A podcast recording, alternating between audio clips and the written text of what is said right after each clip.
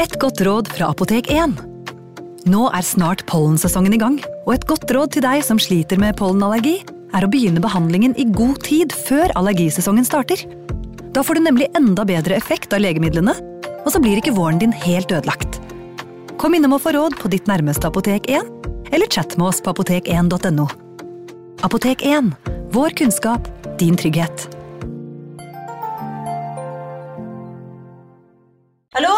Jeg kommer fra Oslo politikammer. Ine Jansen er purk. Er du purk? The motherfucking bitch. Alt jeg vil, er å finne ut hva som skjedde med mannen min. Jon Carew. Er jeg sikta for noe? Iben Akeli. Det er du. Ole So, Lars Berrum og Big Daddy Karsten. Hvem sin side er du på, egentlig? Anette Hoff, Tone Danielsen, Kommer du fra Afrika?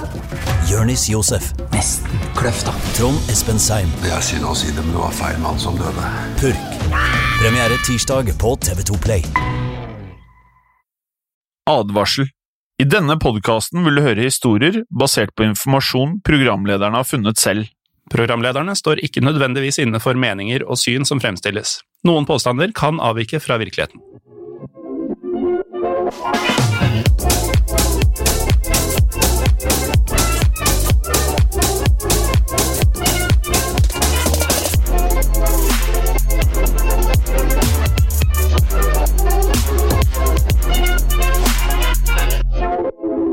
Velkommen til deg, kjære lytter, til en ny episode av Historiepodden, og velkommen til deg, Jim. Takk, og velkommen til deg, Morten. Takk. Visste du at vi nå har over 1200 ratinger på iTunes? Jeg vet det veldig godt, for jeg, sjek 1200? ja, for jeg sjekker dette ganske hyppig. Eh, for jeg eh, gleder meg til vi skal på 2000 ja, nå. Men vet du at vi er på snart 5000 følgere på Instagram? Nei, det, det, det vil jeg ikke høre om. Nei, og det er jo kanskje litt fordi at eh, vi har en konkurranse gående for nye lyttere som da ikke har hørt fra første episode.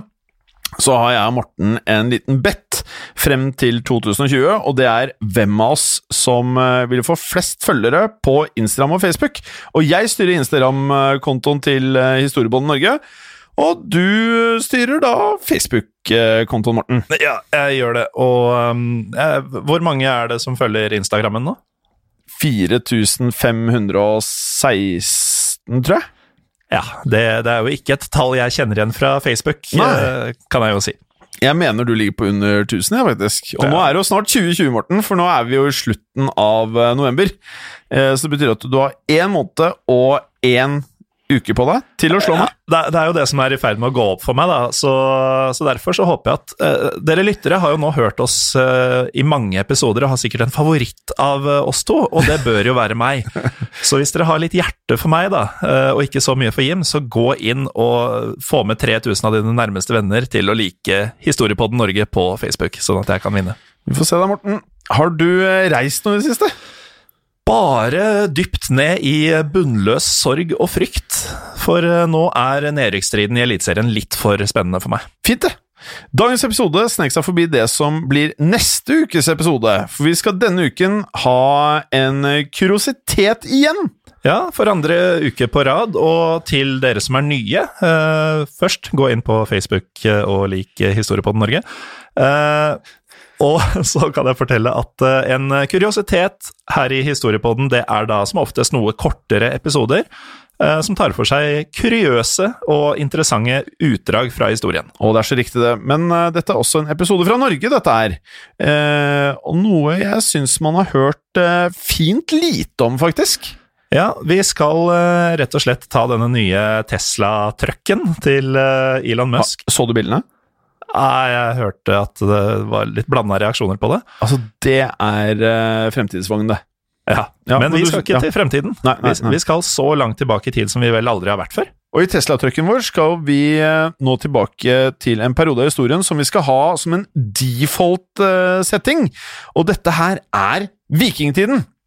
For det er vel første gang vi i Historiepodden skal tilbake til eh, våre noe temperamentfulle forfedre. Ja, ja altså, Jo, de kunne ha litt temperament, men uh, først og fremst hadde de vel uh, lidenskap for sitt virke. Ja, lidenskap for skriking, hopping hyppig-høye drikking av store kopplignende gjenstander og krig. Ja, det, det er nok første gang vi skal tilbake til vikingtiden. Og for et kickoff det blir til vikingtiden her i Storbånden. Mange ville nok forventet at vi startet med, ja, med noe av det klassiske. Eh, kanskje noen av de største personene man kjenner fra denne tiden. Krigene eller bakgrunnen for eh, vikingtiden som epoke. Men det skal vi ikke. Nei, vi har gått noe detaljert til verks i denne episoden med å starte med et begrep som en del i dag eh, kanskje ikke vet at stammer fra våre lidenskapelige forfedre, nemlig ordet berserk. Og det var du, Jim, som eh, insisterte på at vi bare måtte ha denne episoden denne uka. Ja, dette er uh, høyst kuriøst, uh, og noe halve redaksjonen av Historiepodden uh, mener er så kuriøst at vi måtte ha det med. vet du hva som menes med begrepet berserk, Morten? Ja, man refererer til norrøne krigere som kjempet og kriget i en nesten transelignende tilstand. En tilstand som gjerne er det en refererer til som å gå berserk og de som gikk berserk, ble kalt for berserkere. Morten, har du hørt om et spill som heter Magic? Nei, det aner jeg ikke hva er, men du har kanskje litt info på det? Ja, det er vel rett å kalle da Magic for et mildt rollespill. Man spiller med kort, der man får creature cards, som har forskjellig nivå i angrep og forsvar, og så har man da kort med effekter. Og et av de eh, kortene med effekter er fra serien Alfra fra 5. august 1993. Kortet het Berserk. Ah.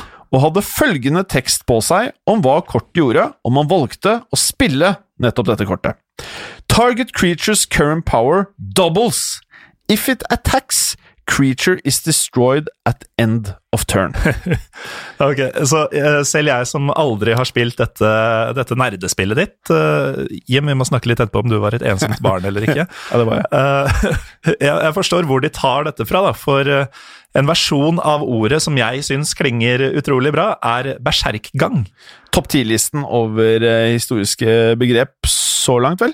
Ja, altså alt med berserk blir jo bra. Uh, berserkgang, det var å hisse seg opp til et nivå der bare raseriet og galskapen uh, var så høy at krigeren verken tok hensyn til egen eller ikke minst andres sikkerhet. Noe som er et eh, enormt eh, fortrinn i en hvilken som helst form for krigføring. Eh, det skal sies da at vikingene ble så ville av berserkergang at alt de tenkte på var å hugge og skjære opp kroppen til fienden. De ville se blod, og vi var inne på det i stad. Vikingene de var en lidenskapelig gjeng. De var, hadde lidenskap for seier og for blod.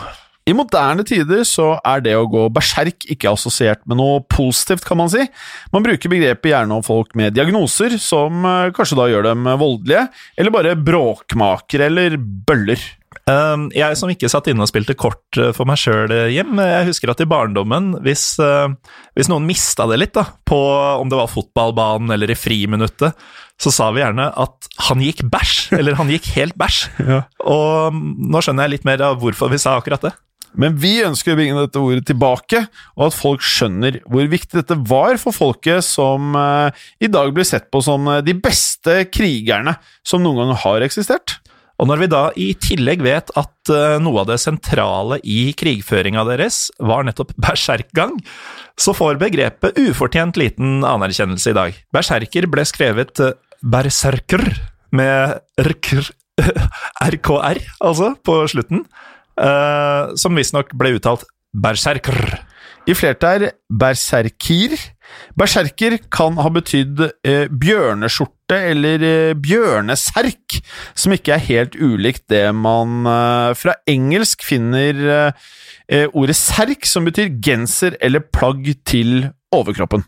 Så berserker er, er det noen som har på seg en, en genser eller jakke jakke eller plagg laget av eh, bjørneskinn, eller bjønneskinn, som ja. Eh, noen ville sagt. Ja, altså uttrykket refererer til at man eh, dro ut i krig, spesielt da uten å ha på seg brynje, var vel poenget. Og en brynje er da den delen av rustninga som dekker overkroppen. Med, med andre ord, der du mest sannsynlig blir stukket og hogd etter, da, hvis du går i krig. Ja, det skulle det, Vi vet jo ikke mer om det vi enn det vi har sett på TV. Så man gikk da ut i krig uten noen beskyttelse, men eh, med et plagg av bjørneskinn. Selv om eh, Snorre Sturlason, eh, den berømte høvdingen som skrev både den yngre Edda og Heimskringla, skal ha ment at det betød at man bare ikke hadde noen genser eller skjorte, men dette er noe flere historikere har tilbakevist. Nå skal vi prate om noe som ga ti av ti på kuriositetsskalaen. Ja, da gleder jeg meg. Vikingene skal ha trodd på dyremagi. Og med det mener vi at eh, vikingene så noe religiøst i dyrene, spesielt i de tre dyrene bjørn, ulv og, litt mer overraskende, villsvin. Ja. Svin eh, i dag kanskje er eh, nok ikke det første man eh, tenker på som et sagnomsust dyr, i hvert fall søker jeg det. Men jeg googlet svin i det ville, da. Og det skal visstnok være et av de dyrene som jegere syns er vanskeligst å fange. Så det ligger nok noe anseelse i å jakte disse tre dyrene. Ulv og bjørn føler jeg er ganske gitt, men uh, kanskje ikke villsvinet er den mest formidable motstanderen, eller? Nei, Obelix syns jo ikke det var noe problem å få tak i villsvin, hvis jeg husker riktig, men uh, han er kanskje enda mindre eh, ekte Ja. enn en de folka vi snakker om her. Ja. Men ettersom det er bjørneskjorte som man er enige om er referansen i begrepet berserk, så kommer med en gang tanken om at eh, det er nettopp det vi var innom, at man måtte være både modig og en høyst kyndig jeger for å legge ned et bytte som, eh, som bjønn. Spesielt ettersom han var utstyrt kun med i veldig mange tilfeller kniv og spyd, som eh, den villeste scenen i Vikings. Jeg vet ikke, Har du sett den på Vikings? Nei, aldri. Nei, det er jo ikke så bra. Eh, Da Bjørn møter verdens største grizzly, virker det som, uten å spoile alt, så er det da ikke Bjørnen som fortsetter å ha hovedrollen i serien. En fantastisk eh, scene, og det vitner jo om at eh, det, dette her var menn som gikk ut i krig, ja. Så Bjørn er en av hovedrollene. Nei. Han møter en bjørn, og uten å spoile noe særlig, så er det da øh, Bjørn som Ja. overlever den kampen. Ja. Ja. det var ikke noe spoil. Nei, det var ikke noe spoil. Nei. Litt, men har du ikke sett Vikings, så fortjener du det bitte litt. Eh, det skal også ha vært slik at bjørnen ikke bare var ansett som magi, men også som et eh, kraftig statussymbol. Og religion. Et annet eksempel på hvor viktig og hvor høyt bjørnen sto i kurs for berserkerne, var at eh, de ble lagt i bjørneskinn i seremoniene som da var før de ble gravlagt. Og i dag så kan man jo se denne symbolismen gjenspeiles i øh, bjørneskinnshattene til de danske monarkene, blant annet. Dersom du liker Historiepodden, vil vi anbefale at du sjekker ut lignende podkaster fra moderne media. Som eksempel Skrekkpodden og True Crime-podden. De er å finne overalt der du lytter til podkast, som eksempel iTunes og Spotify. Hør på deg, Morten. I krig så skrek og brølte berserkerne som ville stukne dyr. De skal ha vært så gale at de frådet ut av munnen og gnagde på metallet på skjoldene deres. Det er, øh, det er hardt. De skal også ha tygget på glør. Eh, og det får meg til å tenke på at vi er, vi er et stykke unna dette her, altså. Ja, Vi er det. Altså, jeg har litt med glør å gjøre i hverdagen, for jeg fyrer en del i peisen. Ja. Og jeg er så langt unna å tygge på de gløra. Altså. Nettopp. Det skal ha vært folketro at berserkerne i denne tilstanden var immune mot stål og flammer. Men som vi nevnte, var det ikke bare bjørn som var et magisk dyr, men også ulven. Og da ble berserkene kalt for ulfhednar, som betød de ulveskinnskledde. Noe som også er å finne i andre kulturer, som blant annet i folkegrupper i de sibirske områder. Vi har lest at de har blitt referert til som at de så ut som varulver. Så disse illsinte, lidenskapelige forfedrene våre kan fort vekk ha vært eh, opphavet til alle varulvsfilmene vi ser i dag. Ja, det virker jo sånn, da. Berserkene skal også ha fått eh, styrken til bjørnen, og de skal ha vært som besatte av bjørnen sin ånd. Ja, så på denne måten fikk de da altså styrken til både bjørnen og eller ulven. Og Eller for- svinet. ja, eller svinet. Det passer fortsatt ikke helt inn, altså. Nei, men, men eh, jeg vet ikke om det er fordi at eh, mange i etterkant er litt enig med oss, at bjørn og ulv høres litt mer sagnomsust ut, at det liksom det vil seg mer. Eh, men det er veldig få som prater om at de tok på seg svin, svindrakt ut i feltet, så det var som regel bjørn eller ulv. Ja, uh, uansett, det at de, uh, de liksom fikk styrken til disse dyrene, det kan jo forklare hvor uh, berserkene fikk den galskapen og råskapen fra. Fra noen norrøne sagaer sies det også at berserkerne kunne ta formen av dyr, og her slo det meg da at fra boken Hobbiten Har du lest den da, Morten? Nei. Nei. Har du sett filmen da, Morten? Nei. Nei. Så er det en av de som hobbitene møter på ferden sin. Han blir kalt for Beorn. Det hørtes veldig ut som bjørn. Ja, veldig. Som er mannen som kunne ta formen av en Bjørn. Helt riktig. Og da vet jeg også nå med et uh, hvor tolken har tatt inspirasjonen sin fra. Og denne besettelsen da, som, uh, som disse berserkene fikk, den skulle ha vært en, en, gudegave fra den øverste gud for krig og aggresjon, nemlig Odin. Da vi skulle ta for oss dette innholdet, da, så tenkte vi kanskje at eh, berserkerne hadde bestemt seg før de gikk i krig, for at de da skulle gå berserk. Men slik vi forstår det, så er det sånn at berserkergang også kunne komme midt i en kamp!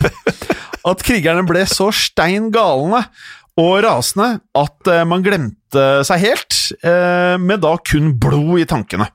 Og ved hjelp av eh, ritualistisk messing og tromming og dansing Blant annet så kunne krigerne nå en tilstand av hva skal vi si, ukontrollerbar villhet før kampene skulle utspilles, eller altså under, som, som du var inne på.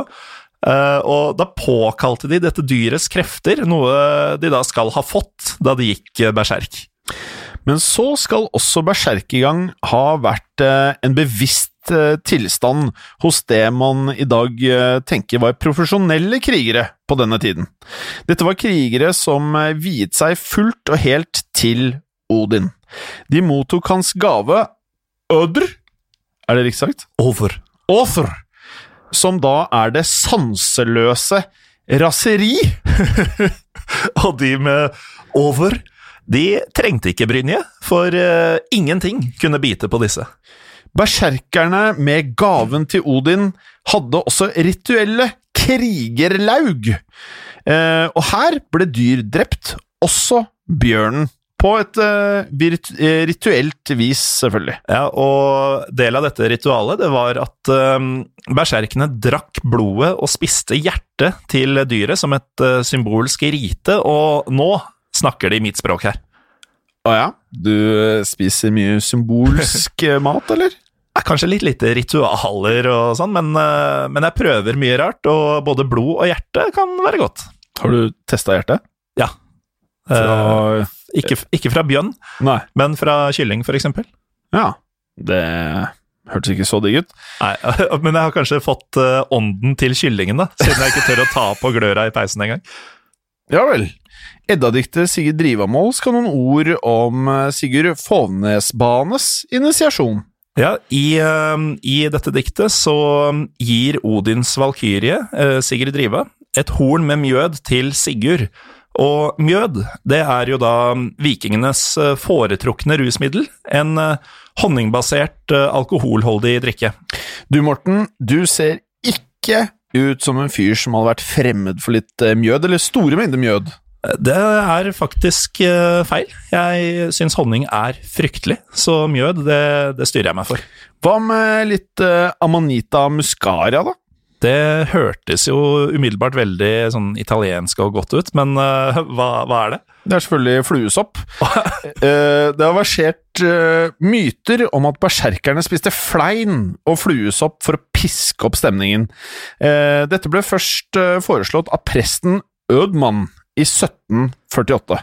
Men denne myten skal vel ikke ha vært tilfellet, så vidt vi har forstått? At det er mjød som, som gjaldt. Men Tilbake til Sigrid Sigurd Driva-mål. Sigrid Driva hun innvier Sigurd til hans, uh, hans, liv og gjerning. Hun gir han råd og undervisning, og mer kraft øker behovet for visdom. Og dette er fra Sigurd Driva-mål, strofe fire. Hør på dette. Jeg hilser Æser, hilser Åsynjer, hilser den allgode jord, unn oss visdom og evne til tale og legehender i livet. Bra, Jim. Da, den der jobba du mye med på forhånd, tror jeg. Ja, Um, konger skal ha satt pris på disse berserkerne, og berserkere var en viktig del av hæren deres. noen variasjoner var det.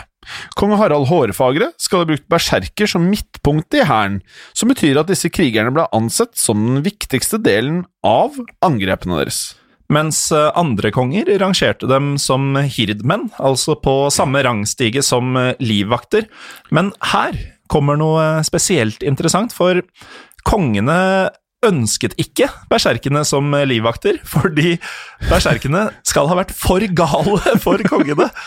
At eh, kongene ikke ønska å være omringa av eh, så ville og gale krigere, i frykt for hva som kunne skje. Men dette her får meg til å tenke på en ting, Morten.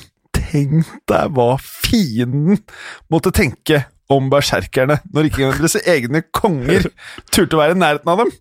Ja, og et uh, klart tegn på hva uh, folk syntes om eh, berserkere, da, uh, var da jarl Eirik Håkonsson i eh, 1015 rett og slett gjorde berserkere fredløse i Norge.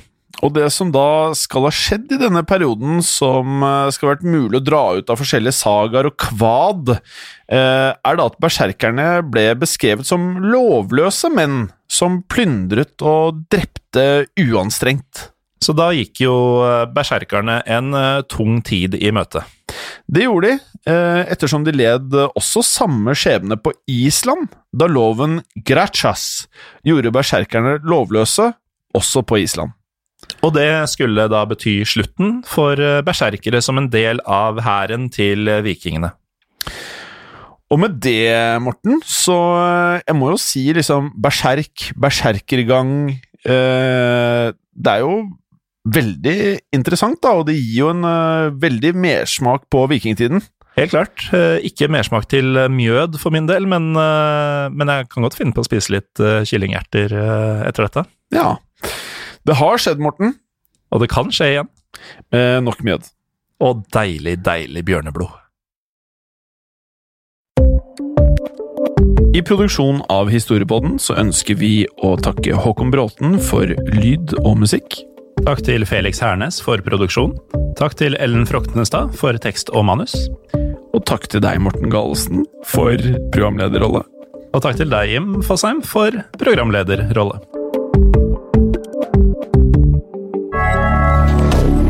Moderne media.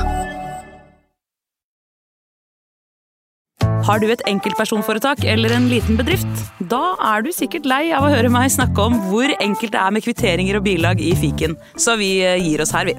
Fordi vi liker enkelt. Fiken superenkelt regnskap. Hei, og takk for at du lytter til Historiepodden. Skulle du ønske at du kunne høre en ny episode av Historiepodden hver eneste uke? Vel, da er det én ting å gjøre. Da kan du laste ned podkastappen Untold med det samme. For i tillegg til ukentlige episoder av podkaster som Historiepodden andre verdenskrig, Henrettelsespodden og også Gangsterpodden, så får du masse annet reklamefritt og også eksklusivt innhold. Last ned Untold i AppStore eller Google Play og start din 30 dagers gratis prøveperiode allerede i dag.